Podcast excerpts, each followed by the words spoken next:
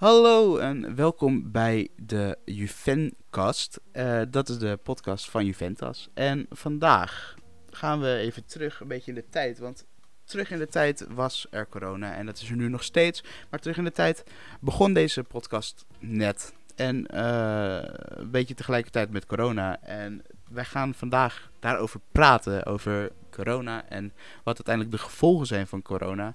En dat doe ik niet alleen, want ik heb niet alle wijsheid in pacht. Uh, zoals ik soms zelf wel eens denk. Um, en daarom is het wel eens goed om eens te luisteren naar andere mensen. En die andere mensen zijn uh, Else Mieke van Dijk. En Else Mieke van Dijk die zit bij mij in de klas, in de kunstklas jaar 3. Uh, en zij is mijn co-presentatrice geweest tijdens onze eigen theateravond. En dat doe ik met Simone van der Meer. En Simone van der Meer ken ik eigenlijk helemaal nog niet. Um, maar dat is een heel erg leuk gesprek geworden. Dus veel luisterplezier.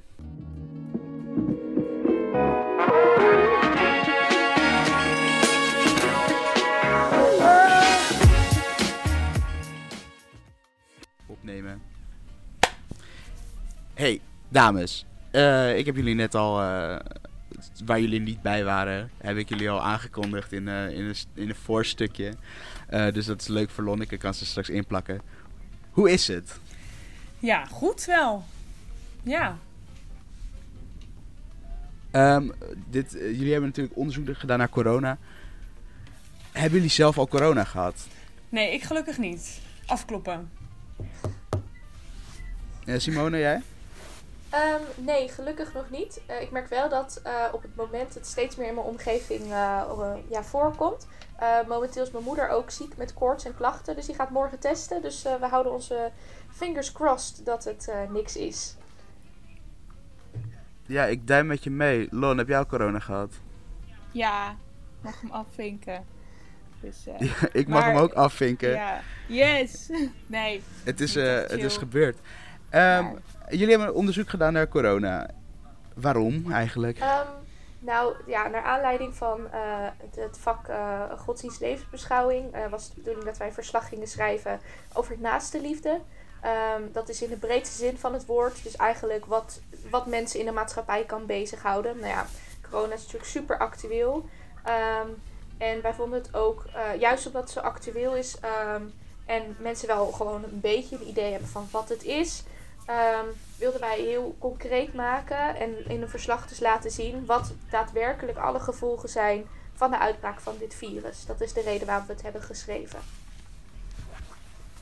Dat is goed gelukt. Um, en, maar jullie hebben het, jullie hebben, ik, want ik heb het gelezen en jullie hebben het opgebouwd uit uh, soort van steeds een uh, artikel op, opgezocht op internet. Uh, en daar dan weer, dat weer vertaald in je eigen woorden en dan je eigen mening daaronder. Waarom hebben jullie die manier gekozen? Ja, volgens mij was het ook een beetje de bedoeling dat je dus artikelen zou zoeken en dat je daarover je mening zou geven en wat je ervan vindt. Mm -hmm. ja, het was wel gewoon interessant om allemaal verschillende dingen ook te lezen. Want we hebben, dan, we hebben het met z'n vieren geschreven. Dus we hebben vier uh, deelonderwerpen gehad. En om dan ook van elkaar te lezen wat elkaars ja, mening is. Oké. Okay. Um, ehm, eigenlijk uh, kunnen we dan best beginnen bij, uh, bij Simone. En natuurlijk nog Elsemieke ook invallen als zij iets aan te vullen heeft. Maar jij, hebt, jij bent begonnen eigenlijk uh, bij het uh, grote begin. Vertel eens, hoe en wat is er nou eigenlijk allemaal um, gebeurd? Ik vond het handig om voorafgaand aan het verslag, voordat we echt over de gevolgen gingen praten, om een duidelijke schets te maken van wat het nou precies is, waar we mee te maken hebben, hoe het is begonnen. Dus ik ben inderdaad helemaal vanaf het begin gewoon begonnen, van toen het in China uitbrak. En wij hier in Nederland vooral nog heel erg dachten, oh joh, dat is in China, dat komt hier niet naartoe. Um, ja, ik vond het uh, vooral heel erg interessant om even heel duidelijk te hebben hoe het nou precies begonnen is. Want daar is daar op een, uh, eind november is daar eigenlijk het, het uitgebroken. Um, ja, hoe precies, dat weten ze ja. niet helemaal. Want er zijn natuurlijk mensen die roepen, ja, vleermuizen. Anderen zeggen, nee, het is uh, van de overheid. Dat is allemaal niet zo duidelijk. Maar wat wel duidelijk is... Ja, gemaakt ja, in de lab, inderdaad. maar het is wel, wel duidelijk ja, okay. dat eind november het al bekend was. Maar dat ze pas 1 december dus eind november 2019, 2019 hè? Over. Ja, Praten we over. Ja. En um, ja. wat vooral bekend is, eigenlijk is dat 1 december de eerste eh, patiënt binnenkwam. Maar wat ik vooral heel bijzonder vond, was dat pas 1, eh, begin 2020, 1 januari, wisten ze pas dat het van mens op mens eh, overgedragen kon worden. Ehm, dus er is zo'n soort heel groot tijdstuk geweest waar eigenlijk ze heel, helemaal geen idee hadden waar ze mee te maken hadden. Behalve dat mensen ziek werden, maar ze wisten niet zo goed waarvan. Ehm, Dus het was echt gewoon twee, twee maanden gewoon dat, dat ze geen idee hadden waar het vandaan kwam. En ja, hoe mensen en dan eraan heb je ook te kwamen. maken natuurlijk met de Chinese overheid die eigenlijk helemaal niet wilde dat, ehm, dat, dat, dat dat bekend werd. Totdat uiteindelijk de, ja, de ernst zo groot werd dat het wel moest. Ehm, maar inderdaad, wat je zegt, er is dus een hele poos geweest waar niemand enig idee had. En ik denk zelf ook dat dat de reden is waarom het ook in één keer zo groot geworden is in China. Omdat er geen, geen, ze hadden geen idee. Er was geen grip op, ze wisten niet waar het vandaan kwam. En dat is ook waarom dat in één keer zo opgeblazen is daar. Ehm, Denk je dat ze het anders, zeg maar, in de kiem hadden kunnen smoren? ehm, of, of was dat nou, onmogelijk dat denk ik niet geweest? zozeer. Maar eh, ik, ik denk wel dat als, we er, als er niet eh, bijvoorbeeld die arts die daarmee kwam tot zwijgen is gebracht. Als, ehm, en als ze er eerder achter waren, eh, daardoor dus eerder achter waren gekomen van wat is het nou. Denk ik wel degelijk dat het aantal besmettingen veel, minder, veel kleiner was. Omdat het nu zo lange tijd heeft gehad om gewoon lekker rond te waden overal. Ehm, ja, Ja. dus ik, de- ik denk het wel. Maar ja, dat blijft natuurlijk nu altijd achteraf zeggen, hè. Ja, tuurlijk, tuurlijk. Eh, eh, dus Ja. dat is China. Nou, en, En toen, toen? ehm, ik eh, weet dat er toen in de omgeving eigenlijk in alle landen, Korea en Thailand en al, alle, alle landen eigenlijk in, in Azië, dat daar steeds meer verschillende, ja, ook mensen met klachten kwamen. En ehm, nou, ja, dat ging zo langzamerhand door. En je ziet eigenlijk op een wereldkaart, als je daarnaar gaat kijken, van het begin van de uitbraak tot nu, zie je eigenlijk dat die rode gebieden steeds meer richting Europa kruipen. Ehm, nou ben ik zelf van mening, en dat bedoel ik niet dat ik een soort complotgekkie ben of zo, maar dat eh, ik denk dat het eigenlijk hier ook al langere tijd was. Juist omdat, die, eh, omdat er meerdere mensen waren die mysterieus ziek waren in Nederland, eh, waarvan ze gewoon echt niet wisten wat het was. En omdat juist sinds eind november tot begin januari van 2020 ze niet wisten dat het overdraagbaar was. Pas vanaf dat moment zijn ze namelijk alles gaan afsluiten en hebben ze gezegd van ho, nee wacht even, je moet maar niet meer reizen. Maar in dat tijdstuk daarvoor kon iedereen overal naartoe. Dus ja, het is langzamerhand hier naartoe gekropen. Natuurlijk via Italië was een nieuw epicenter. Ehm, maar ik geloof ook wel dat het al langere tijd op meer plekken was. Ehm, ja, en toen kwam het uiteindelijk dus officieel in Nederland. Eh, dat was uit mijn hoofd 27 februari 2020. Dus het is pas eh, een jaar geleden. Ja. Ja, en vanaf toen is het, eh, is het hier echt ja, op, ga- op gaan blazen. Oké, even terug nog naar een stukje wereld, wereldwijd. Hè? Want ik weet nog dat er wereldleiders waren die zeiden... ja, dat hele coronavirus, dat is een Aziatisch ding. Houden ons niet mee bezig. Weer eigenlijk dezelfde vraag. Als we toen hadden ingegrepen... en, en iedereen het toen serieuzer had, geno- had genomen... waren we er dan nu nog steeds mee bezig geweest ook? Of hadden we dat dan toch weer eerder kunnen stoppen? Nou ja, ik denk niet dat het verholpen had kunnen worden. Ik denk niet dat zodra het uitbrak, er, er, er gebeurt dan gewoon dat het opblaast. Maar ik denk wel dat als we er gewoon eerder bij waren geweest, dat het gewoon veel minder snel gegaan was. Als stel je voor dat ehm, bijvoorbeeld met Mhm. carnaval was het dan hier, maar één iemand was hier. Maar daarna was de carnavalsvakantie, iedereen gewoon feesten en in één keer poeh, was het overal. Als we toen het meteen serieus Yes. hadden genomen van hé, hey, wacht even, dit komt uit China, daar gaan allemaal mensen dood. Wij hebben het hier ook, afblazen die hap, dan was het waarschijnlijk wel minder snel gegaan. En hoe minder snel het gaat, hoe makkelijker het dus is om die kleinere groep mensen die het heeft eh, thuis te kunnen houden, veilig te kunnen houden, beter te kunnen maken. En zal het dus veel minder snel doorgegeven kunnen worden. Nu is het gewoon vrije loop gegaan. Dus inderdaad, als we er eerder bij waren, het serieus hadden genomen, hadden we het veel, ja, was het gewoon veel minder snel gegaan. Ja, ik vond ook Ja, het is wel... natuurlijk sowieso allemaal koffiedik kijken, hè? Ik vind wel dat Ja. inderdaad dat het heel lang... Ja, ik moest hoesten. Ik deed wel in mijn ellebogen. Ehm, ik vond wel dat inderdaad, ik weet nog heel goed dat de eerste besmetting was. En dat ik toen op school zat. En dat ik echt zo las op nu.nl.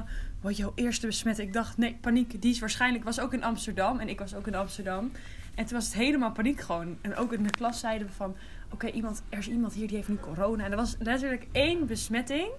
En toen dacht ik echt van, oh oh, wat gaat, wat Ja. gaat er allemaal gebeuren? En toen was heel lang nog, mensen mochten gewoon reizen, mensen... Dus ik dacht van, ja, het is onvermijdelijk dat het gaat komen. Maar ik denk, als je op dat moment... En ik snap dat het echt heel raar is om een land helemaal dicht te gooien. Maar als je toch dat had gedaan...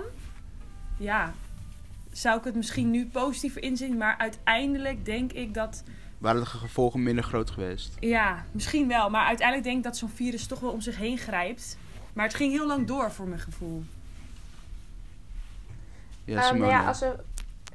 Er steekt heel braaf een handje op. We zitten in teams. Heel, heel lief. Zo'n handje omhoog. Ik voel me helemaal, helemaal de leraar hier. Dat is mooi Ehm, zeg. nou ja, nou, vertel. als we kijken naar ehm, eh, wat jij zegt, zo'n land meteen helemaal op slot gooien, is misschien raar. Maar als we nu dan kijken met, nou ja, ik in ieder geval met heel veel jaloerse gevoelens naar bijvoorbeeld zo'n land als Australië of Nieuw-Zeeland, dan denk ik, hadden we het maar wel gedaan. Want daar staan er gewoon mensen weer in de club en kan je weer naar het restaurant en kunnen mensen bij, een, bij ouderen op bezoek. En dat is eigenlijk wel dat ik denk, dat is eigenlijk Ja. een voorbeeld. Wat gebeurt er als je dus wel meteen erbij bent en het wel serieus neemt?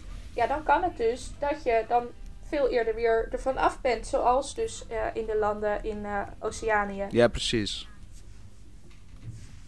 Ja, hele goeie. Eh, ik weet nog wel, sorry Lon, ik wil nog even aans- aansluiten bij wat, wat Else Mieke net zei.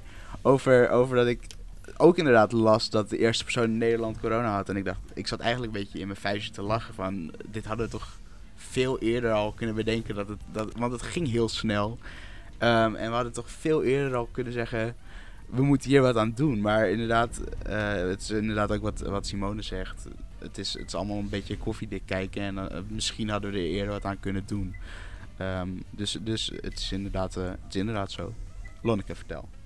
Ja, eh, ja, volgens mij ik wil aansluiten op Simone. Want klopt het dan dat ze in Australië en Nieuw-Zeeland, die landen eigenlijk gelijk op slot zijn gedaan? Wat is het grote verschil tussen hun maatregelen en onze maatregelen eigenlijk? Ehm, nou, ik weet niet precies of dat ehm, vanaf het begin af aan, want dat ik natuurlijk niet zo in de gaten gehouden. Juist omdat wij er ook mee te maken hadden, hou je het vooral lekker even bij jezelf. Want het hele wereldbeeld is dan wel heel heftig. Ehm, maar Ja. wat het verschil is vooral, en dat, ik, ja, dat, dat, daarom ben ik het ook niet zo eens met de, met de Nederlandse aanpak, is omdat in die landen waar ze er nu eens bijna vanaf zijn, of, of in ieder geval eh, er veel minder last van hebben, hebben ze gewoon in één klap gezegd van dit kan niet meer, dit kan niet meer, dit kan niet meer. Zo'n lange tijd, iedereen blijft thuis. In één klap echt een harde lockdown. En ehm, dat is daar heel serieus genomen, dat is daar heel, heel goed over nagedacht. En dat heeft dus voor gezorgd dat het niet verder kon verspreiden. Als je dan kijkt naar Nederland, ja, we mogen eh, nu maar twee mensen in de winkel. En volgende week mogen we dit. En volgende week dat, dat mondjesmaat regeltjes toepassen en zo. Ehm, heb ik niet het gevoel dat dat even effectief is als dat je gewoon alles op slot gooit. Ehm, alles op slot gooien voor een bepaalde periode en dat zeggen en daarna is het open. Geeft ook veel meer perspectief dan elke week zeggen: ja, misschien volgende week kunnen we weer, eh, weer wel met tien mensen in een winkel staan. Dus ik, En stel dat we nou eh, een beetje, zeg maar, dat we als Europa één grote vuist hadden gemaakt en hadden gezegd, nou, Europese regels, dit en dit is het geval. Ehm, dus dit en dit moet sowieso. Bijvoorbeeld, iedereen moet thuiswerken en eh, iedereen moet een mondkapje dragen. En ehm, voor de rest bepalen landen het zelf maar. Dus dat je als Europa ehm, maatregelen had genomen, was dat dan misschien beter gegaan? Hadden we dan eerder ook weer eh, een situatie gehad zoals in, in Oceanië. Want ik weet dat bijvoorbeeld Zweden, daar werd heel erg naar gekeken van Jezus. Wat ze doen is echt, is echt heel, gaat echt niet goed. En uiteindelijk was, was hun aanpak, is hun aanpak eigenlijk als een van de beste gebleken, toch? Ehm, ik weet niet zo goed of een Europese aanpak zin gehad heeft. Juist omdat je. ehm, nou, ik, ik denk dat er dan, dan sowieso als landen zich daar dan aan gaan houden. Maar inderdaad, elk land verzint het ook een beetje voor zichzelf. Ehm, ja, ik, ik denk gewoon niet dat dat heel effectief geweest zou zijn. Juist omdat sommige landen dan misschien gaan zeggen: nee, maar dat willen wij helemaal niet. Of uh, oh, dat landje houdt zich er helemaal niet aan. En dat je dan dat soort conflicten krijgt en dat de focus daarop ligt. In plaats van op het bestrijden van het virus. Dus ik denk dat elk land het wel voor zichzelf moet verzinnen. Alleen ik vind wel dat er een echt een bizar groot verschil zit in tussen hoe serieus landen het nemen of welke, uh, ja, welke feiten ze als waar uh, ja, nemen, zeg maar. Dus Nederland zegt nee joh, een mondkapje, dat, dat heeft wel zin. Ander land zegt nee, helemaal niet. Dat land zegt nee, we moeten er zelfs twee over elkaar. Er is gewoon zo'n groot verschil. En daar kan je gewoon echt concreet zien van, oh, dat land is er vanaf, want die doet het zo en wij doen het heel anders en wij niet. Dus ja. Ja. Oké. Ehm, dan, ik las iets over een R-getal. En het is uh, natuurlijk in de, volgens mij zelfs in de eerste persconferentie van uh, Rutte kwam dat R-getal te sprake. Ik heb eigenlijk alleen nog steeds het idee dat uh, nog steeds niet iedereen precies weet wat het R-getal is. Want ik heb dat nu gelezen in het onderzoek. Maar daarvoor was het voor mij ook nog een beetje een vaag beeld. Kan ja, um, ik kan het eigenlijk heel makkelijk uitleggen met een voorbeeld. Um, stel dat het R-getal 1 is. Dat betekent dat één iemand is ziek en die zieke persoon die besmet één persoon. Um, dat betekent dus dat als ik ziek ben uh, en ik steek jou, Casper, ik steek jou aan, dan ben jij, is, uh, jij die één. Uh, mm -hmm. Jij steekt ook weer één persoon aan. Um, dus dat betekent dat als ik ziek ben, dat er dan door mij drie mensen ziek worden. Nou, dat gaat zo door en dan blijft het gewoon telkens één iemand wordt ziek, één iemand wordt ziek. Maar als dat getal hoger dan 1 ligt, dus stel het R-getal is, um, nou laten we zeggen in een heel heftig geval 2, dan betekent dat dat ik gemiddeld met mijn ziekte twee mensen aansteek.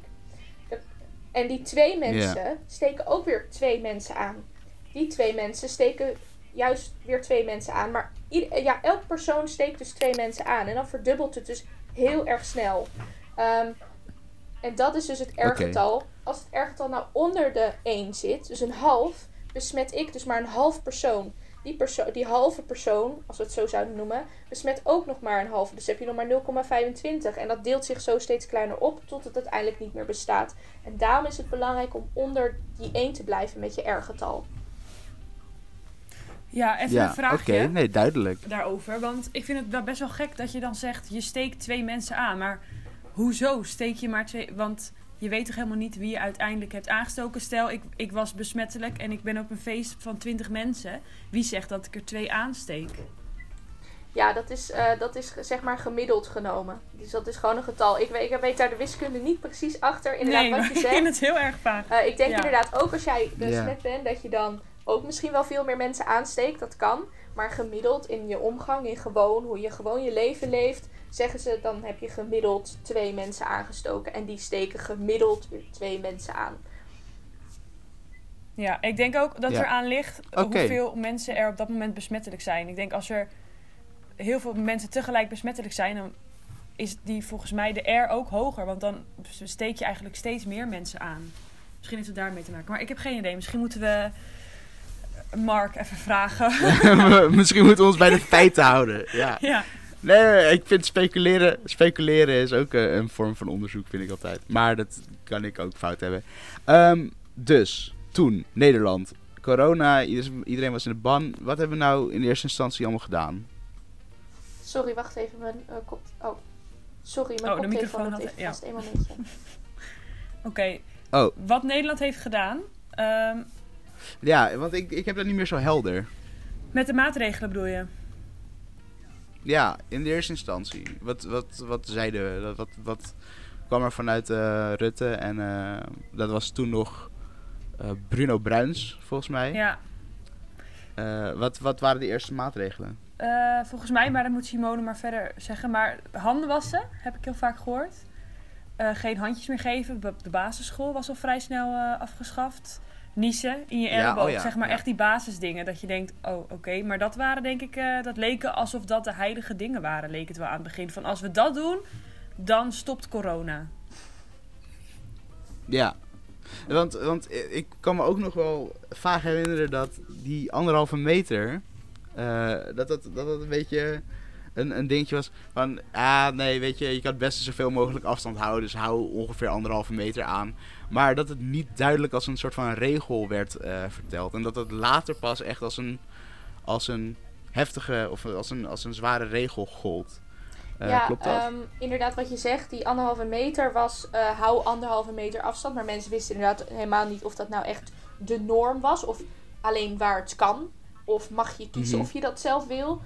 En daarnaast was ook voor heel veel mensen ook helemaal niet duidelijk hoe ver anderhalve meter is. Uh, ik heb bijvoorbeeld wel eens interviews gezien, toen dat dus net verplicht werd gesteld.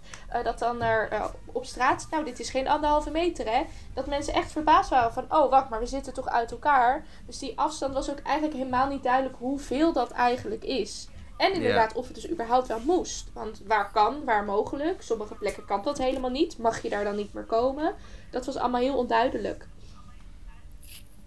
Precies, oké. Okay. Um, over, even, dan verder even over die maatregelen. Hè? Want, want um, we hebben nu de anderhalve meter. We werken zoveel mogelijk thuis. We wassen onze handen stuk, zoals Rutte dat zo vaak zegt. Um, we dragen mondkapjes, openbare plaatsen. Uh, hebben, heeft het een beetje effect? We hebben een avondklok natuurlijk. Uh, wat, wat voor effect heeft het? En is het een beetje bewezen dat het überhaupt um, effect nou, ik heeft? toevallig daar dus inderdaad in het, uh, in het verslag heb ik daar een onderzoek over gelezen. Wat nou de daadwerkelijke effecten zijn. Um, ik pak er maar even bij voor de precieze getallen, want ik vind het best wel interessant.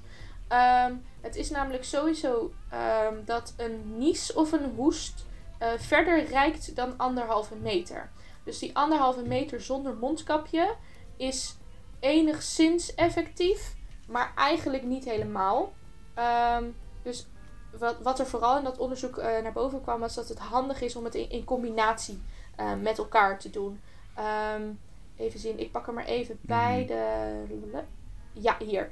Um, door het houden van anderhalve meter um, is uh, gebleken dat er, uh, als, als je dichterbij bent dan anderhalve meter, dus dicht bij elkaar, um, dan is er kans van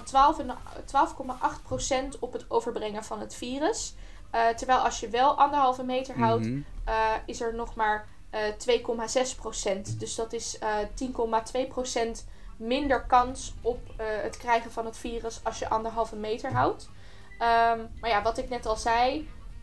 En dat heeft dan te maken met ja, aerosolen, klopt. Ja, toch? dat heeft te maken met grote slijmdruppels, maar ook kleine slijmdruppeltjes. Dat zijn aerosolen. Dat zit ook weer anders, wil ik zo wel verder toelichten. Maar in principe, anderhalve meter afstand betekent Goed. dat je nog maar 2,6% kans hebt op het krijgen van het coronavirus.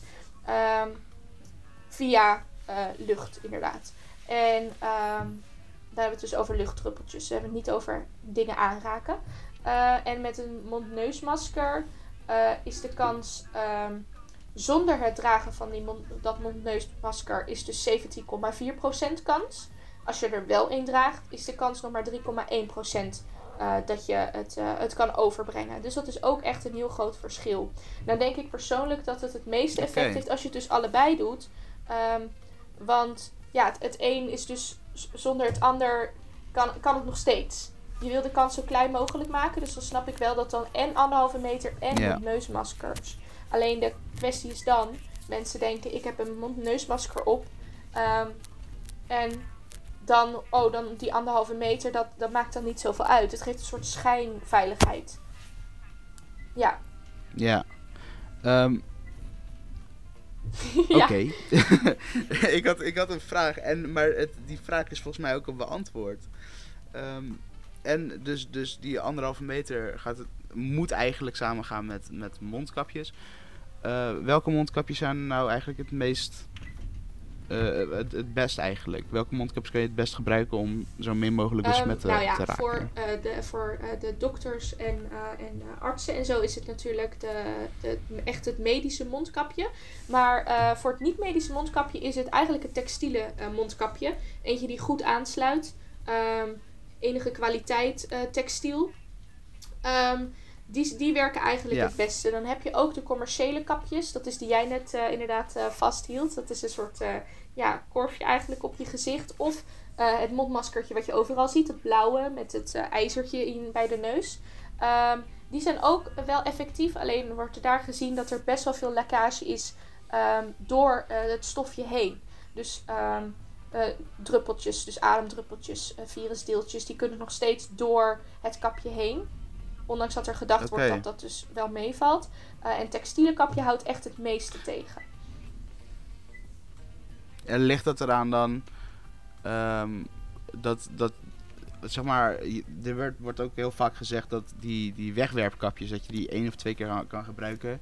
Nou sprak ik laatst iemand die staat bij het ziekenhuis uh, voor, om, om mensen binnen te laten en te controleren of ze een afspraak hebben. Ehm, en dan moeten ze natuurlijk ook een mondkapje opzetten, want ze gaan het ziekenhuis in. Maar die halen dan een mondkapje uit hun broekzak die al uh, duizend miljoen keer gebruikt is. Wat je ook heel goed kan zien aan het feit dat ze, dat ze bevlekt zijn en ehm, dat soort dingen. Werkt dat mondkapje ehm, ook nog? Nou, het gaat vooral, weet, weet je, wat vooral is, het mondkapje uh, houdt in principe niet zozeer voor, ja, ja dat, dat is een beetje dubbel eigenlijk. Het mondkapje is meer een soort ja, barrière die zorgt dat andere mensen minder kans hebben op het virus krijgen. Maar het is niet zozeer dat het ervoor zorgt dat jij het niet kan krijgen. Ja, het, is, ja, het is een beetje gek. Het is meer een soort, ook een soort uh, etiketten van... Oh, kijk eens, ik, ben, ik, ben, ik zorg voor mijn omgeving. Ik scherm anderen ervan. Daarom draag ik het mondkapje. Want het mondkapje houdt dus jouw bacteriën tegen. Um, ja, mhm, het mondkapje... Um, als die vies is, ja, dat is natuurlijk helemaal niet gezond. Maar de effectiviteit heeft daar niet zoveel meer mee te maken. Het, alleen het is gewoon niet fris om het dan met je handen aan te gaan raken omdat je dan ook weer bacteriën bijdraagt. En als je dan bijvoorbeeld nou ja, in het OV het stopknopje aandrukt, kan de mensen via die weg wel besmet raken. Dus het kapje, als die vies is, maakt het eigenlijk niet zoveel uit. Behalve dat het voor jezelf misschien een beetje, een beetje goor is. Um, maar wel dat als je dat dus aanraakt en dat is helemaal vies en zitten bacteriën op, kan je vervolgens via contact, uh, fysiek contact wel mensen besmetten. En daarom is het belangrijk dat dat kapje zo schoon mogelijk blijft. Daar mag je er ook niet aan zitten met je handen. En is het de bedoeling dat je hem dus maar één keer gebruikt of wegstopt na gebruik, wast en dan weer opzet. Ik ben blij dat jij beter bent ingelezen dan onze minister-president ja, zelf. ik heb het gezien, dat vieze kapje, um, dat gefrommelde wegwerpding. Ja, dat, uh, ja, dat, dat, is, uh, dat, vind, dat is gek eigenlijk. Je bent een voorbeeld, vind ik dan. Maar dat, dat ben ik. Ja.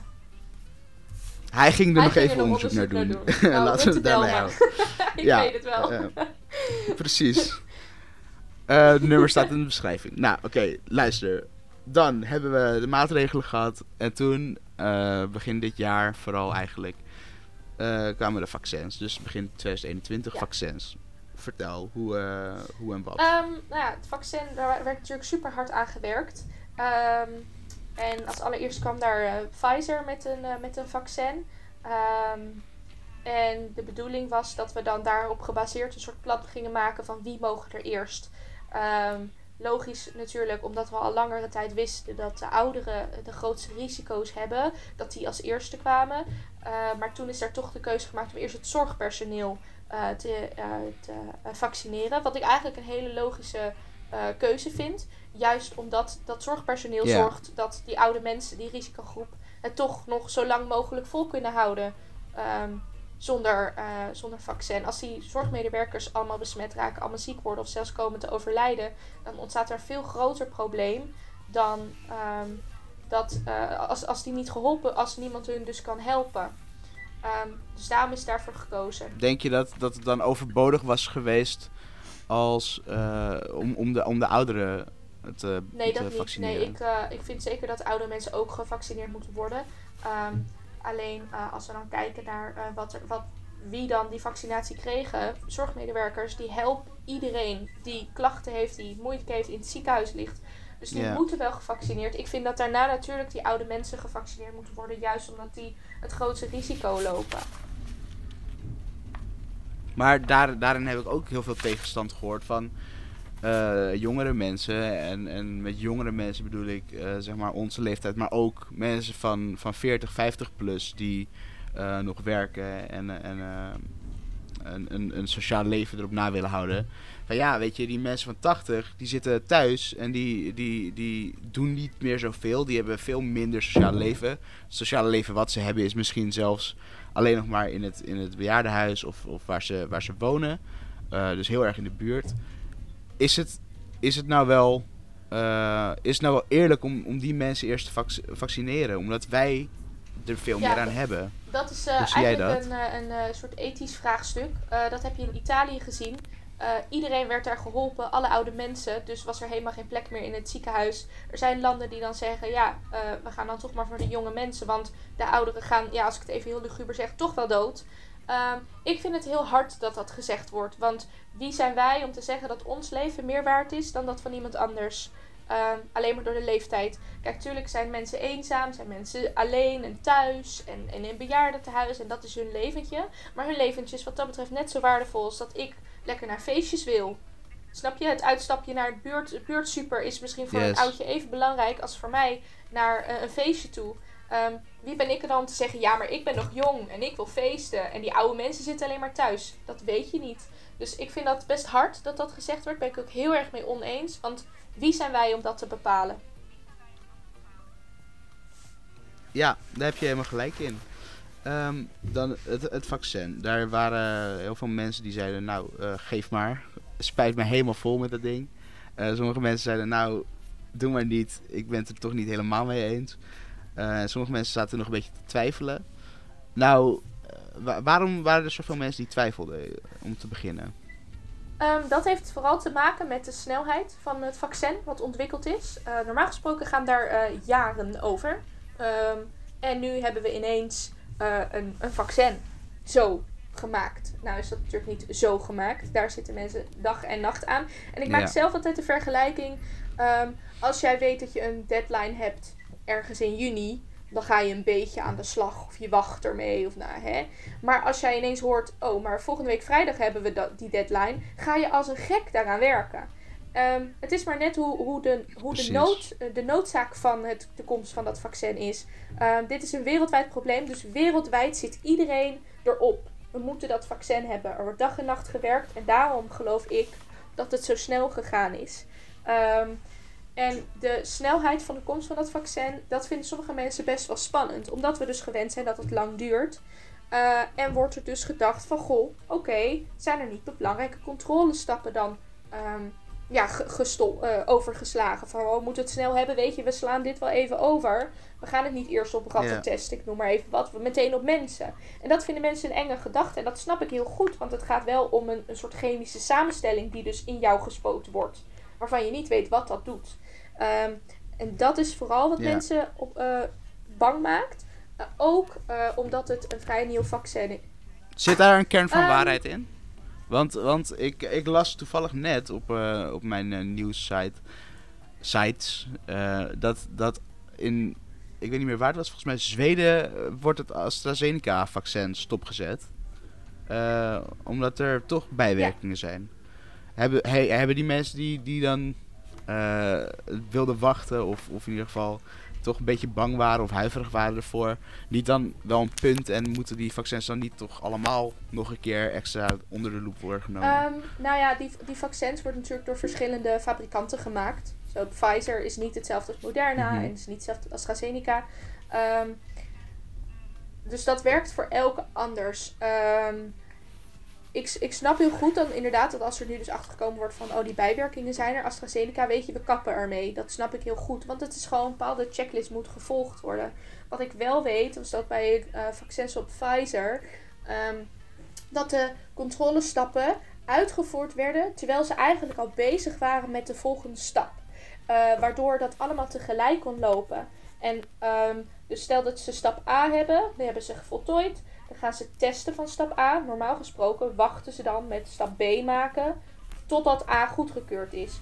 Ehm, nu hebben ze gedaan, we hebben A af. A gaan we testen en tegelijkertijd gaan we vast beginnen aan B. Mocht het toch goed komen, kan het een stukje sneller. Kan dat niet, stoppen we natuurlijk met het maken van B. Gaan we eerst zorgen dat A ja, weer goed is. verder. Ja. En zo door.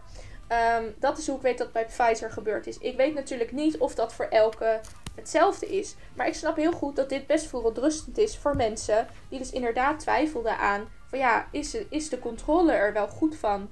Ehm, en ik vind vooral dat er gewoon heel erg streng moet gekeken worden naar ehm, ehm, de, de, of, of die stappen dus echt wel goed doorlopen zijn. Ik vind dat daar extra controle op moet plaatsvinden. En ik vind het ook echt een goede zaak dat Zweden dus gestopt is dan met het, eh, met het, maken of met het aannemen van het vaccin en het geven van het vaccin. Juist omdat ze er nu dus achter zijn gekomen dat het niet klopt.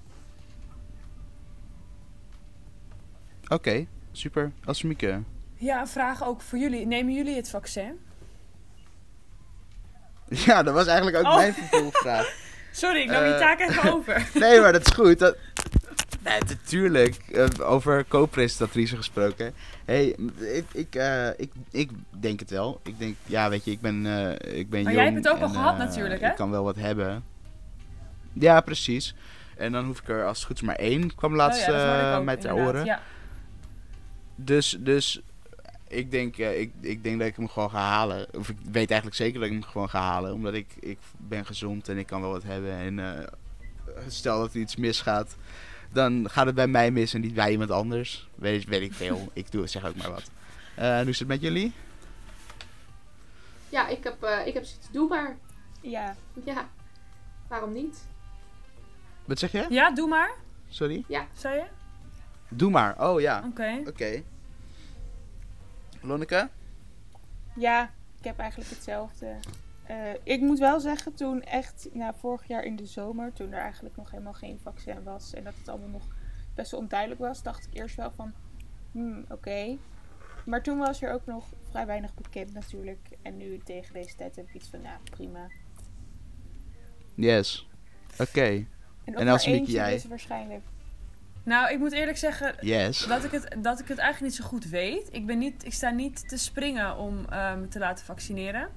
Ik heb nu ook gehoord over dat coronapaspoort. Dat je dan, eh, als je ergens heen wilt gaan, dat je dan of eh, een vaccin moet hebben, dat je zeg maar dat kan laten zien, of gewoon een test. En ja, ik weet niet. Als ik ook hoor van dat er op lange termijn niet echt dingen bekend zijn. eh, bijvoorbeeld ook over ehm, als je kinderen wil krijgen, of dat allemaal, hoe dat allemaal gaat. Weet je, dat vind ik toch wel belangrijke dingen. En dan denk ik, ja, dan zou ik denk ik eerder gaan voor een test voordat ik naar een feest ga. Maar misschien dat ik over een paar maanden anders over denk. Maar nu denk ik dat vaccin hoeft voor mij niet zo. Nee. Oké, snap Ja. ik. Ehm, over dat coronapaspoort. Want dat, jullie, uiteindelijk is jullie onderzoek nu al een beetje outdated. Want het is, eh, het is eigenlijk... eh jullie zijn Ja, ingehaald drie maanden tijd. verder nu. Toen jullie, toen jullie... Ja, precies. Toen jullie aan het schrijven waren, toen was, toen was er helemaal nog geen sprake van. Maar dat coronapaspoort, hoe, hoe, hoe, wat vind jij daarvan? Wat houdt het in? Wat vind je ervan? Ehm, nou ja, ik denk dat het een beetje is hoe je er inderdaad naar kijkt. Ehm, als je niet van plan bent het vaccin te nemen, kan ik me voorstellen dat je dat als heel vervelend ervaart. Ehm, juist omdat je dan bijvoorbeeld vastzit aan je leven lang elke 72 uur een test voordat je ergens heen mag. Eh, dat lijkt me heel vervelend. Ja, Eh, precies. Het is, is natuurlijk ook best privacygevoelig. Eh, dus ik kan me ook voorstellen dat mensen daar eh, weerstand tegen hebben. Wat ik wel heel goed vond, was dat Hugo de Jonge benoemde dat er niet in die app heel groot komt te staan. Deze persoon is een antivaxer, weet je wel. Dat er daar een soort onderscheid ontstaat. Dat dat wel Mhm. beschermd is. Dat vond ik wel heel goed. Eh, en ik vind ook wel dat we moeten opletten dat we mensen die eh, digitaal minder geletterd zijn, die bijvoorbeeld geen toegang hebben tot een app, die niet weten hoe dat werkt, die geen, geen mogelijkheid hebben om zich constant te laten testen, dat we die niet achterstellen.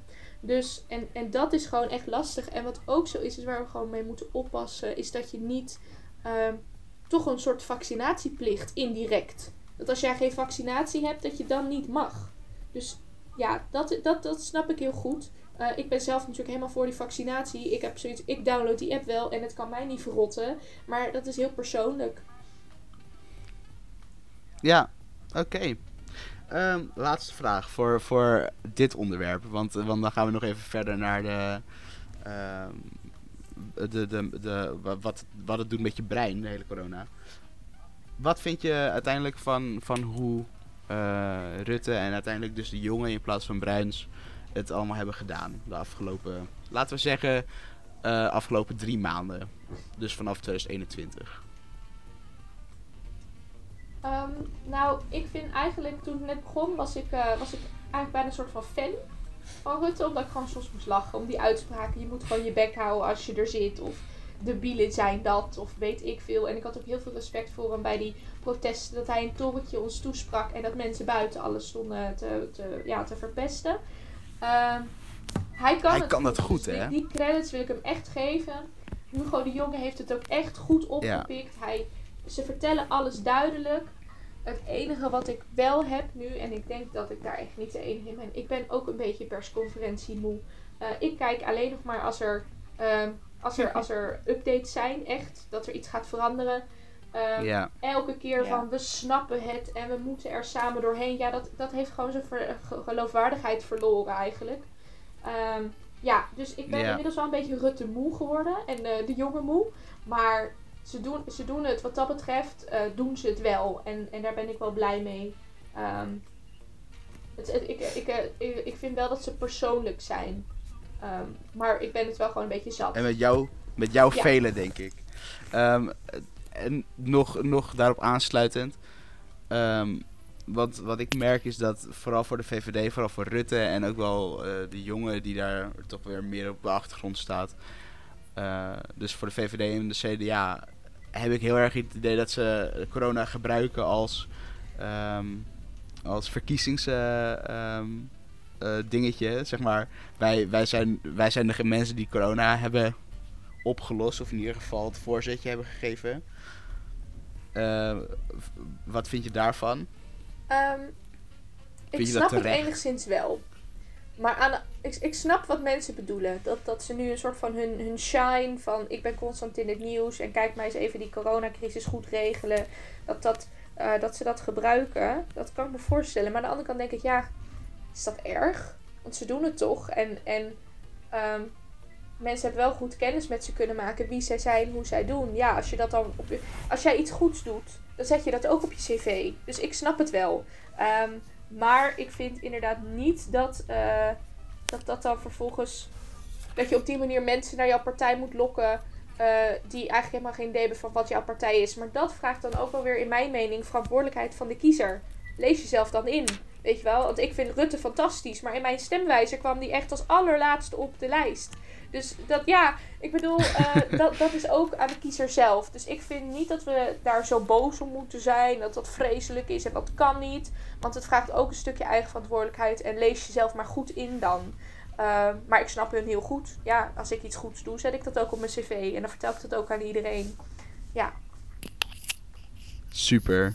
hey, sluit ik me helemaal bij aan. Dan, je hersenen. Want die dingen zijn best wel belangrijk. Heb je echt heel veel aan in je leven of niet, Ja, Elsemieke? ik, ik denk het wel, ja. Zeker na deze hele onderzoek natuurlijk die we hebben gedaan. Denk ik wel van jeetje, wat zijn die hersenen apart. Apart. wil ik zeggen. Eh, maar ik wilde... en ik, ja, ik zag dat je heel veel gebruik hebt gemaakt van, van de wijsheid van Erik Schredder. klopt. En dat alles wat hij vertelt heel interessant is. Ja, ik las het later ook terug. En toen dacht ik, ik heb het zeg maar in verschillende dagen gedaan. Dus ik had al zo'n stuk af en dan ging Ja. ik verder. En dan las ik het. Dus toen ik uiteindelijk het geheel las... Toen zag ik inderdaad ook dat Erik, eh, dat ik die blijkbaar heel eh, interessant vind. Maar goed, maakt niet uit, weet je. En- Weet je dat ook weer? Nee, maar dat, dat is Ja. goed. Maar dan kunnen we, kunnen we misschien een, een, een beetje een aanrader doen naar, eh, naar Erik Schredder. En als je meer over je hersenen wil weten, ga naar die vent Ja. luisteren. Want hij is echt fucking Ja, interessant. dat sowieso. En want dat ben ik helemaal met je Ja. eens. Ehm, nou, dus, ik wilde eigenlijk eerst vertel, nog even... wat doet corona met je hersenen? Ja, Oh ja, vertel. ja, Ja, oké. Nou, ik wilde eigenlijk eerst nog, want aan het begin vroeg je hoe gaat het? En toen dacht ik, ja, eigenlijk gaat het goed. En dan denk je toch, wat ik dan heb van, oh ja, maar er is corona. Ehm, dat je je dan een beetje gek voelt als je je goed voelt. Ik weet niet of je dat herkent. Ja, En vind je? nou, ik weet niet. Mensen, vroeger zei iedereen van ja, gaat goed. En dan weet je niet of het echt goed ging, weet je wel. En nu is het altijd van als het goed gaat, Ja. dat, dat ik toch nog denk aan de mensen die het helemaal niet goed hebben door deze hele crisis. Dus ja, daar moest ik nog even aan denken. Ja. Sowieso. En Dus je, je, voelt je, een beetje, je voelt je een beetje beschaamd om te zeggen dat het nou, goed gaat. dat wil ik ook weer niet doen. Omdat, omdat het met andere mensen minder goed nee, gaat. kijk, ja, zo wil ik ook weer niet denken, weet je. Want je kan niet, als je iedere keer gaat denken, er zijn mensen die het slechter hebben, dan, dan kan je je nooit goed voelen. Want ja, ik weet niet. Maar Nee, het is gewoon Ja. een beetje een rare tijd of zo. Maar ja, ik had dus over. We gaan verder over Erik. Nee, ik zal ze nou niet meer zo vaak noemen. ja, verder over Erik.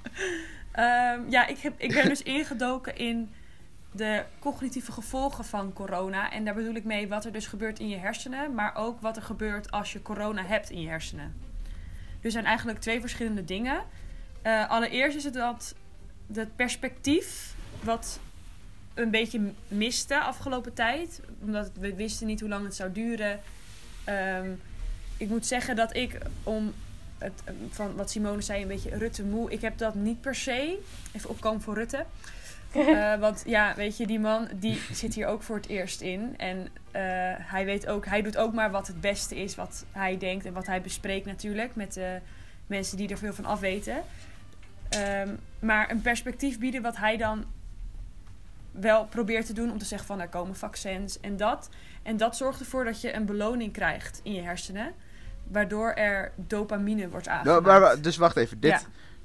ja. dit gaat dus over het mentale gedeelte van, uh, van, van zeg maar ja, je hersenen. dus nu inderdaad over um, uh, wat er... Het mentale stuk, ja. Van wat er gebeurt in je hersenen. Dus jij zegt... Rutte probeert perspectief te bieden. Ja. Daardoor word je kind of blij. Of daarna, daar, daarom komen er stofjes vrij in je hersenen. Die ze heten dopamine.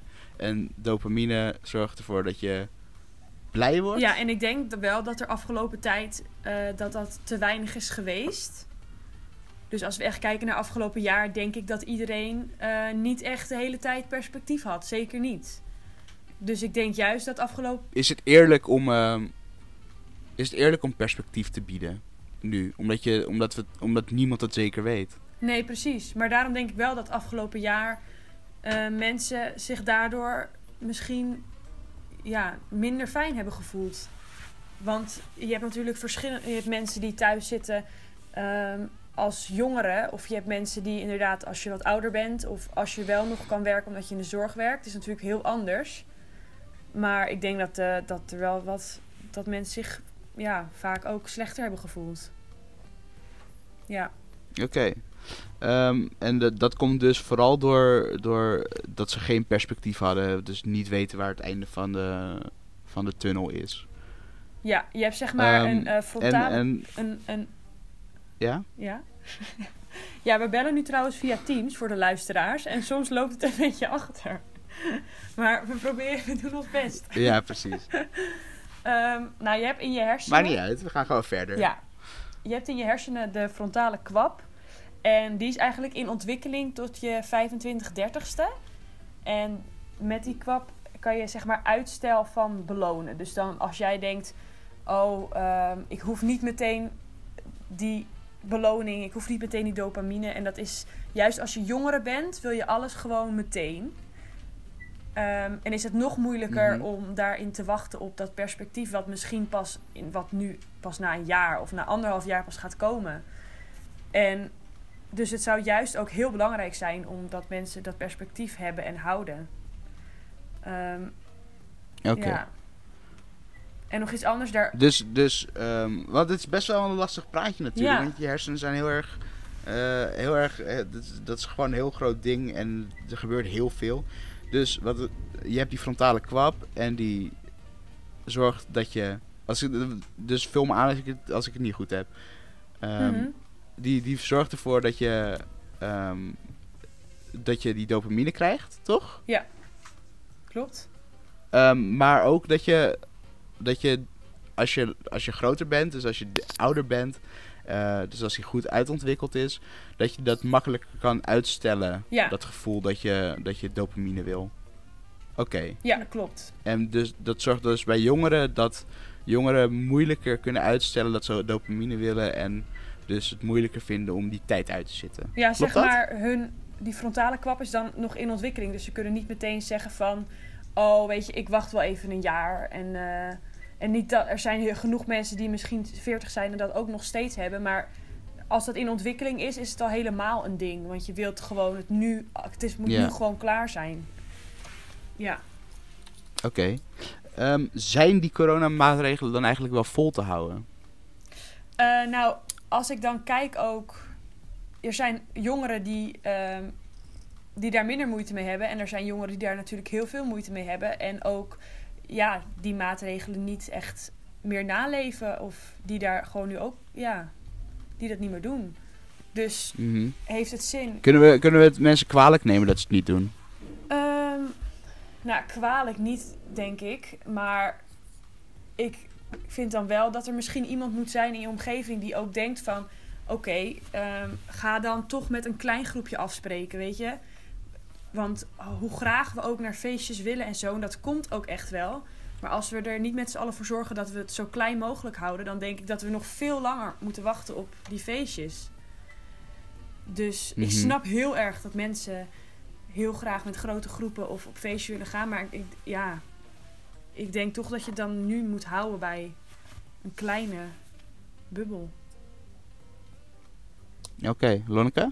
Eh, ja, klopt het dat het dan eh, misschien voor kinderen nog eh, lastiger is om, ehm, hoe noem je dat nou? Om zeg maar te wachten, want jij zegt eh, je, dat is nog in ontwikkeling en bij jongeren merk je dat al, maar is dat dan voor Mhm. kinderen nog erger? Ik weet niet of het per se erger is. Hij is gewoon de hele tijd nog in ontwikkeling. Moeten we misschien even Erik bellen. Maar als in, ik, ik zie wel. ik zie wel bij. eh Erik bel ons. Simone, de nummer staat in de, in de, in de We sturen beschrijving. dit door naar Erik. Ehm, ik denk Ja, ook bij kinderen dat zij het ook niet echt, eh, zeker jonge kinderen, het niet helemaal kunnen begrijpen als ze hun open en oma niet meer echt kunnen zien. Ehm, Nee. Mhm. Dus dat is ook wel moeilijk. Ja, misschien Oké, mist daar zelfs ehm, wel een soort inderdaad stuk bewustzijn. Naast Mhm. het überhaupt die ontwikkeling die er nog niet helemaal is, zelfs nog gewoon het begrijpen of zo. Ja. ja. Ja. En eerst was het nog, Simone? Oh, ja. eerst was het dan nog Sorry. dat je tot je achttiende mocht je nog zonder afstand, toch? Dat is nu ook al naar 12, als ik het goed zeg. Ja. Ja. Dus dat is ook al natuurlijk weer dat, dat je, ja. Ja, maar dat was natuurlijk ook omdat de, de ehm, besmettingen op, op eh, middelbare scholen eh, meer werden, Mhm. hè? Toch? Ja, volgens mij wel, ja. Dus, dus ik denk dat het ook een bewuste keuze is geweest. eh, om dat, mij om is dat zo het te doen. idee dat kinderen. Eerst was natuurlijk het idee, kinderen kunnen het minder snel verspreiden. Volgens mij is dat hele idee nu eigenlijk ook al een beetje van de baan. Ja, volgens mij ook inderdaad. Want als we Als je het... ook die maatregelen op eh basisscholen en zo natuurlijk ziet. Precies. Eh, Simone. Ehm, ja, ik wilde even aansluiten op dat stukje van de, van de kinderen en eh, hoe die dat ervaren. Ik heb toevallig, ehm, die is er nu niet, Elisa, die heeft ook een deel eh, geschreven. En eh, die had geschreven dat eh, sinds de uitbraak van dit virus dat er eh 20% eh, meer klachten binnenkwamen voor mentale gezondheid bij eh, de kindertelefoon. Dus wel degelijk kinderen die ook echt wel meer last hebben. 20% is best wel een grote groei eh, sinds de uitbraak. Eh, die dus Ja. klachten hebben of vragen hebben. Dus dat stukje geen perspectief en het begrip van wat het virus is, is voor kinderen natuurlijk echt moeilijk. En dat zie je dus ook in die toename van belletjes naar de kindertelefoon. Ja, Nou, dat is, maar dat is heel mooi. Eigenlijk, eigenlijk zouden we gewoon nog een podcast kunnen vullen met alles wat jullie hebben onderzocht. Want Ja. het is gewoon een heel goed onderzoek ja en ik had, ik had ook nog gehoord Ehm, dat eh, de, de posttraumatische stressstoornis, eh, kinderen die dat hebben, dat dat ook vier keer hoger is als ze in de quarantainetijd. Dus dat kinderen ook wel echt ook stress Mhm. ervaren. Maar inderdaad, we hebben heel veel informatie. ja, dat zal best inderdaad. Ja. Ja, ehm, Pardon. eh, dan, dan is eigenlijk een beetje de vraag. Want je zegt, eh, mensen die ouder zijn kunnen, kunnen meer geduld opbrengen. Is er een limiet aan hoe lang wij een perspectief kunnen hebben en het niet kunnen bereiken? Of, of is, zou je in theorie het, zeg maar dat, dat, dat, dat licht aan het einde van de tunnel vooruit kunnen schuiven? ja, hoe ver bedoel tot je? eindeloos. Nee, ja, nee, Ja. ik ging helemaal. eh, ehm, ja, ik, dat weet ik niet zo goed. Of je, hoe lang je dat zou kunnen volhouden. Ik hoop heel erg dat ik nu. Ik had laatst ook eh, bij de persconferentie zeiden ze dat. Dat er, je voelde toch wel dat er een soort verandering komt. Nu ook door de vaccins. En dat je toch wel misschien in de zomer. Dat het toch wel weer misschien een beetje is zoals de zomer van vorig jaar. Want ik zat laatst te denken, toen gingen we ook Ja. gewoon nog naar terrasjes en, en dingen doen. Weer naar Weer terrasjes, naar hè, was het toen. Ja. We gingen weer naar terrasjes, ja. terrasjes. ja. Ehm, ja, Maar ik weet niet hoe lang je dat... eh, nee. Dat, ja, dat, dat zie je denk ik op het moment Simone. dat er echt nog meer mensen zeggen van... We kunnen dit niet meer aan. Ik weet niet. Simone, Ehm, wat heb je nou, aan te wat ik heel interessant vond, je zegt net het licht aan het eind van de tunnel. En dat is ook een eh, een begrip wat heel veel in de politiek dus wordt gebruikt. Op het moment of tijdens die persconferenties. Het licht aan het eind van de tunnel. Oh jee, Nee. heb ik toch wat opgenomen. Maar ehm, wat, eh, wat ik heel interessant vond, ik heb laatst eh, een interview gelezen met een geluksexpert. Ik weet even die Moni-vent heet, helaas. Maar, en die zei dat door het begrip licht aan het eind van de tunnel te gebruiken, kan aan de ene kant heel positief werken. Van er is licht, er komen er komen goede tijden aan. Maar wat er wel voor zorgt, is dat je dan eh, in je hoofd, onbewust soms, een soort mindset krijgt van het is pas weer goed en het leven is pas weer fijn als het weg is. En die man zei toen heel erg mooi: je moet niet op zoek naar het licht aan het eind van de tunnel, je moet op zoek naar licht in die tunnel. Maak het licht in die tunnel.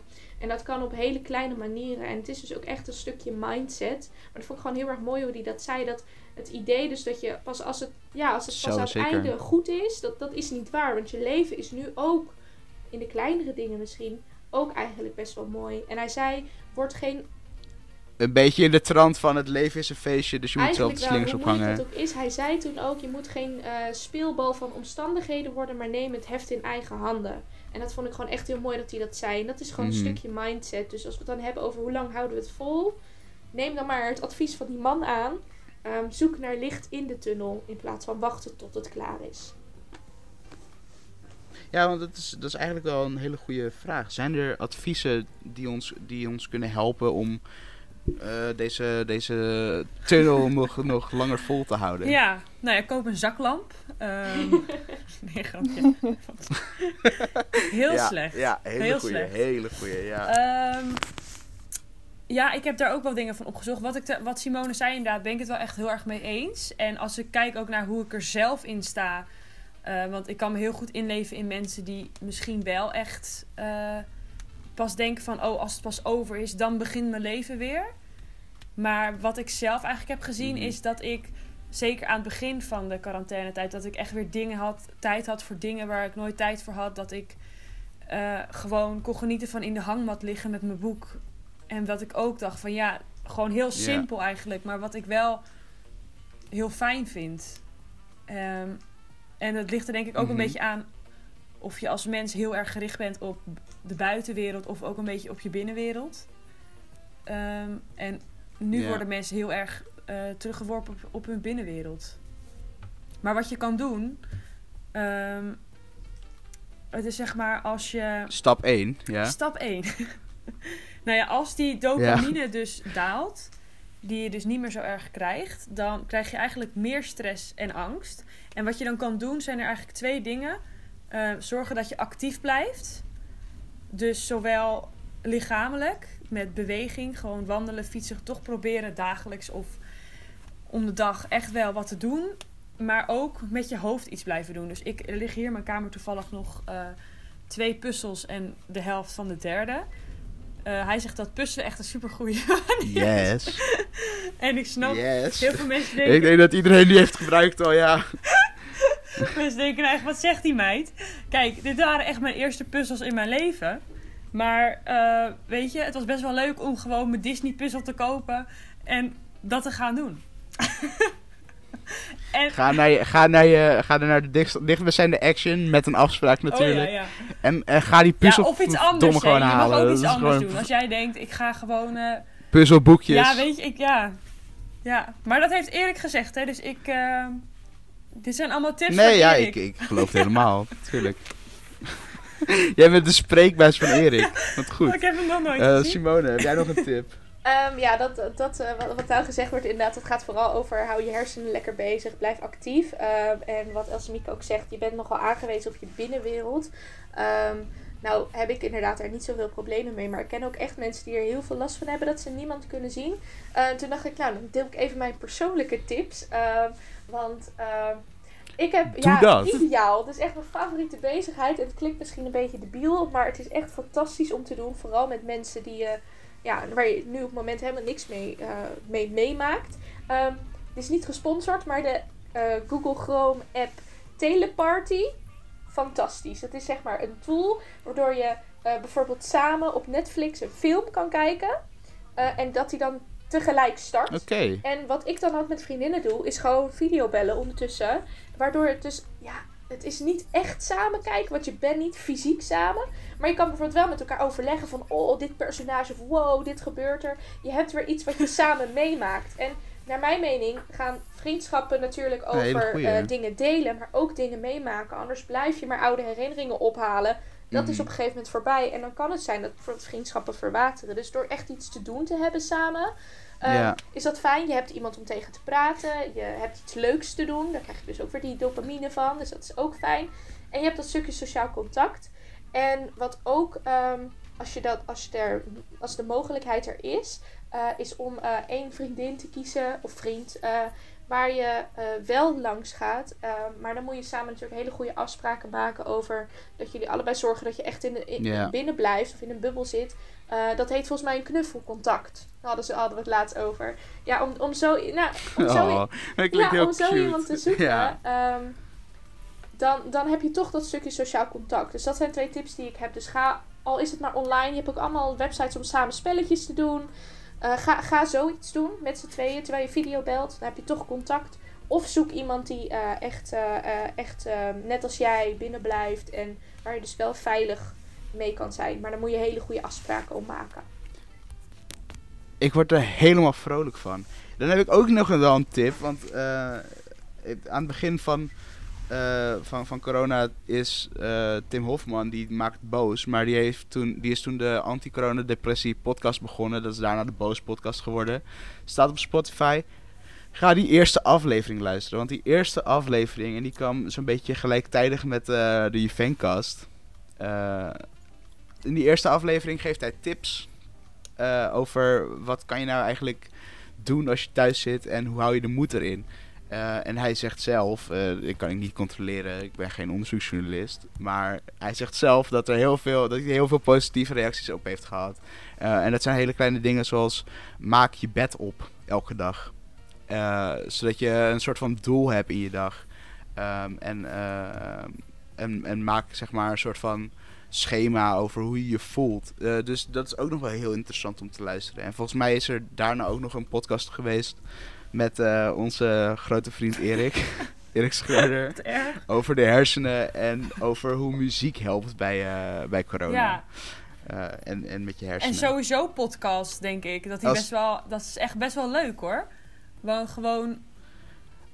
Ja? Luister verdomme alle je fancasts gewoon. Maar als ze dit luisteren- Jongen, jongen. Zo moeilijk is het allemaal Als niet. we dit tot nu toe al Ja. luisteren, jongens, laat het even weten. Want dan weten we gewoon dat jullie dit, dit horen, weet je.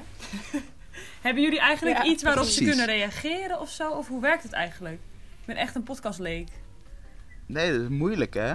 Nee, niet echt. Maar eh, mondelinge reacties bestaan ook. Ja. Je kan, Maar wel, ik, ik wil, ik heb... je kan wel in de Ja? Spotify-app van Apple kan je sowieso reageren. En anders Oh. via Instagram. Oh. Oh, nou, kijk aan. Eh, dat is een goed, goed idee, inderdaad. Eh, of, of via de mail. We hebben ook een e-mailadres. Oh ja. Die, gooi ik, die gooit, gooit Lonneke ook in de reactie. Of in de, in de beschrijving. Ehm, we zijn al een uur bezig, maar het- ik vind het interessant blijven. Dus we gaan gewoon lekker verder.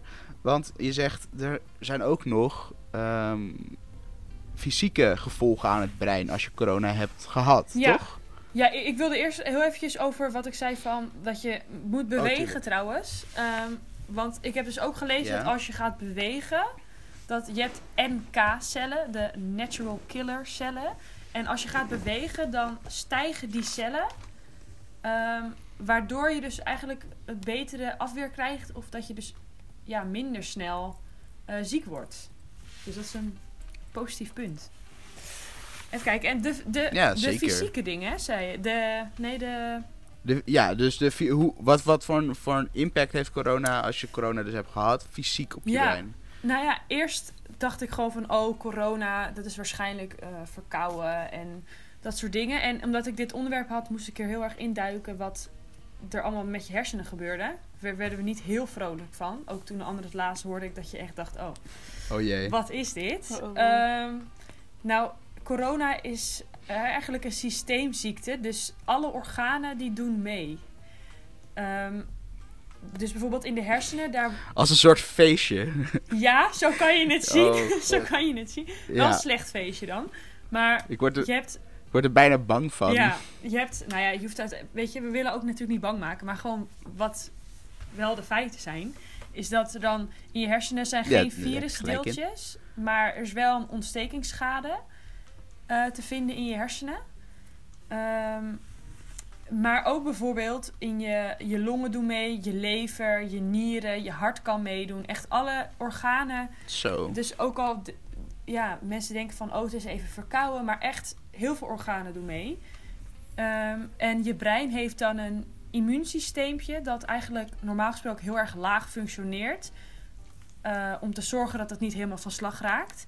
Maar bij COVID dan gaat het opeens wel er heel erg hoog reageren. Dus je immuunsysteem slaat eigenlijk op hol. Ehm, Oké. en het lijkt eigenlijk een beetje op. Er is een verlammingsziekte. En daar hebben ze onderzocht. Het heet. Ik durf het niet uit te spreken. Guillain-Barré.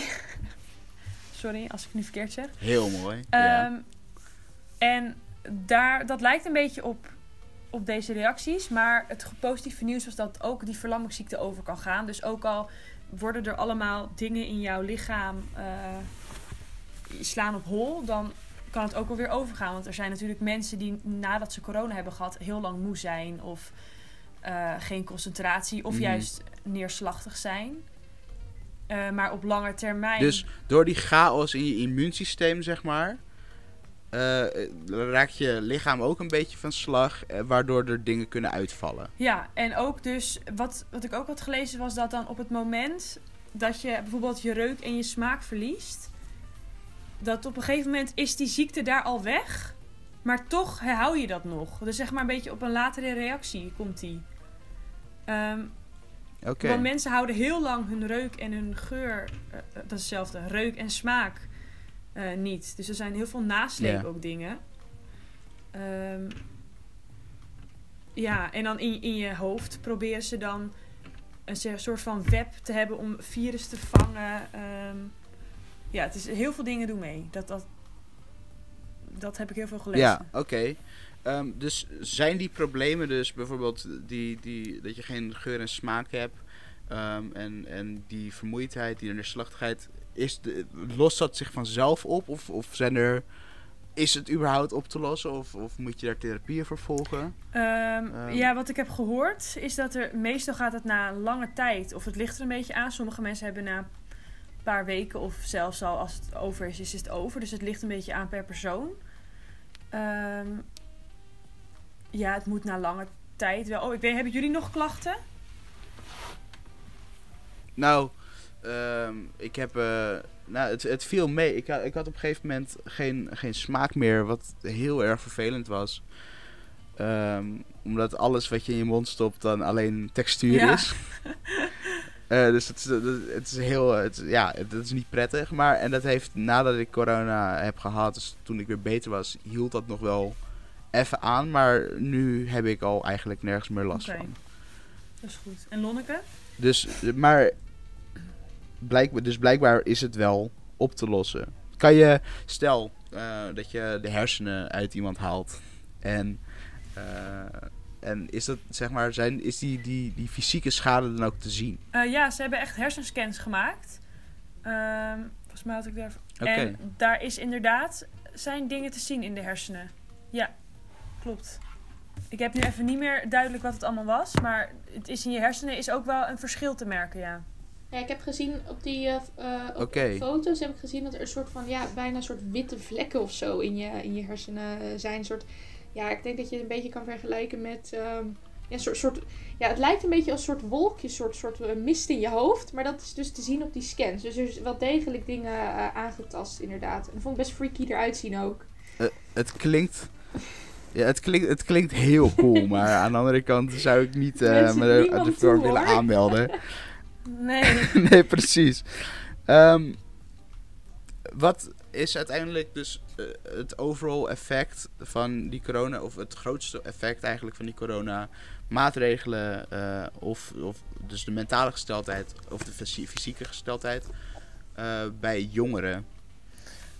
Wat, wat voor effect heeft dat? Um, ja, ik denk dat er sowieso de jongeren die zijn, die houden gewoon van sociaal contact. Die zijn ook gewoon, weet je, je zit, bent misschien aan het studeren of uh, je zit op school en dan, wat eigenlijk heel belangrijk is, is gewoon contact met mensen.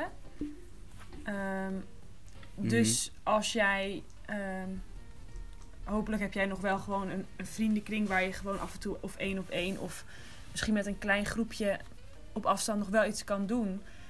Um, maar ja, ik denk voor iedereen dat het heel anders is. Wat echte effecten zijn. Misschien als het straks voorbij is, dat er mensen zijn die meteen weer gewoon omschakelen. Maar misschien zijn er ook mensen die uh, daar nog last van houden. Dat weet ik niet. Oké. Okay. Um, en, en bij ouderen is er een soort van eenduidig antwoord misschien over te geven? Wat ouderen het, het meest missen misschien? Uh, als ik naar mijn open oma kijk, die zijn toch ook heel erg sociaal. Dus ze zitten dan, uh, ze hebben veel contact wel met mensen. Wat nu natuurlijk ook minder is. Dus ja, eenzaamheid mm -hmm. is denk ik wel een effect. Dat heb je ook bij jongeren, denk ik. Oké. Okay. Um, ja, dat eigenlijk. Ik denk dat, uh, dat dat een mooie, nou mooie, dat is een stevige afsluiter. om, uh, om, maar om het laten we positief afsluiten. Um, ja, positief. Vertel. Ja, positief. Heb je iets positiefs? Um, nou, dat het uiteindelijk gaat het allemaal over. En tot die tijd uh, moeten we de licht vinden in die tunnel. Weet je, wat Simone zei. Maar uiteindelijk, misschien yes. over een jaar, denken we echt van... Oh ja, weet je nog, corona. Nou, misschien niet over een jaar, maar over twee jaar. Oh ja, was, dat was echt een rare tijd. Maar laten we, ja. maar laten we hopen dat het... Laten we hopen voor over een ja, jaar. Ja, alsjeblieft, ja. ja. Ja. ja, en ik denk ook dat je, dat je nu goed. in deze tijd hey. vooral ook waarde hecht aan dingen waar je misschien helemaal niet zo over nadacht. Een goed boek, een fijne vriendin, een leuke film. Um, sta stil bij de leuke dingen, inderdaad. Dat ligt in de tunnel. Zet die zaklamp aan. Lieve deskundige in de podcast. Zet die zaklamp aan in de tunnel. Precies. Maak hem.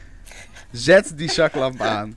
Nou, toch mooi positief afges afgesloten. Mag ik jullie uh, ontzettend bedanken uh, voor jullie toelichting en jullie expertise over dit onderwerp. En eigenlijk zou ik het wel heel leuk vinden om toch nog een soort van deel 2 te maken over um, de maatschappelijke gevolgen en sociaal-emotionele gevolgen. Dat we, dat we een, soort van korte tweedelige serie maken over corona en de gevolgen ervan. Um, maar dit is dan een hele mooie deel 1. Hartstikke bedankt. Ja, graag gedaan. Jij ook bedankt um, voor, uh, voor het fijne, fijne, de fijne podcast. Ik heb het nog nooit gedaan en ik heb dit als heel prettig ervaren. Dus het was heel erg leuk. Dankjewel. Nou, je doet het ook heel erg goed. Je bent heel erg geschikt. Hey, um, blijf gezond, hè? Ja, jullie ook. Ja. Ja. Yes, gaan we doen. En dan uh, ook voor de luisteraar heel erg bedankt voor het luisteren. En uh, tot de volgende. Doei doei.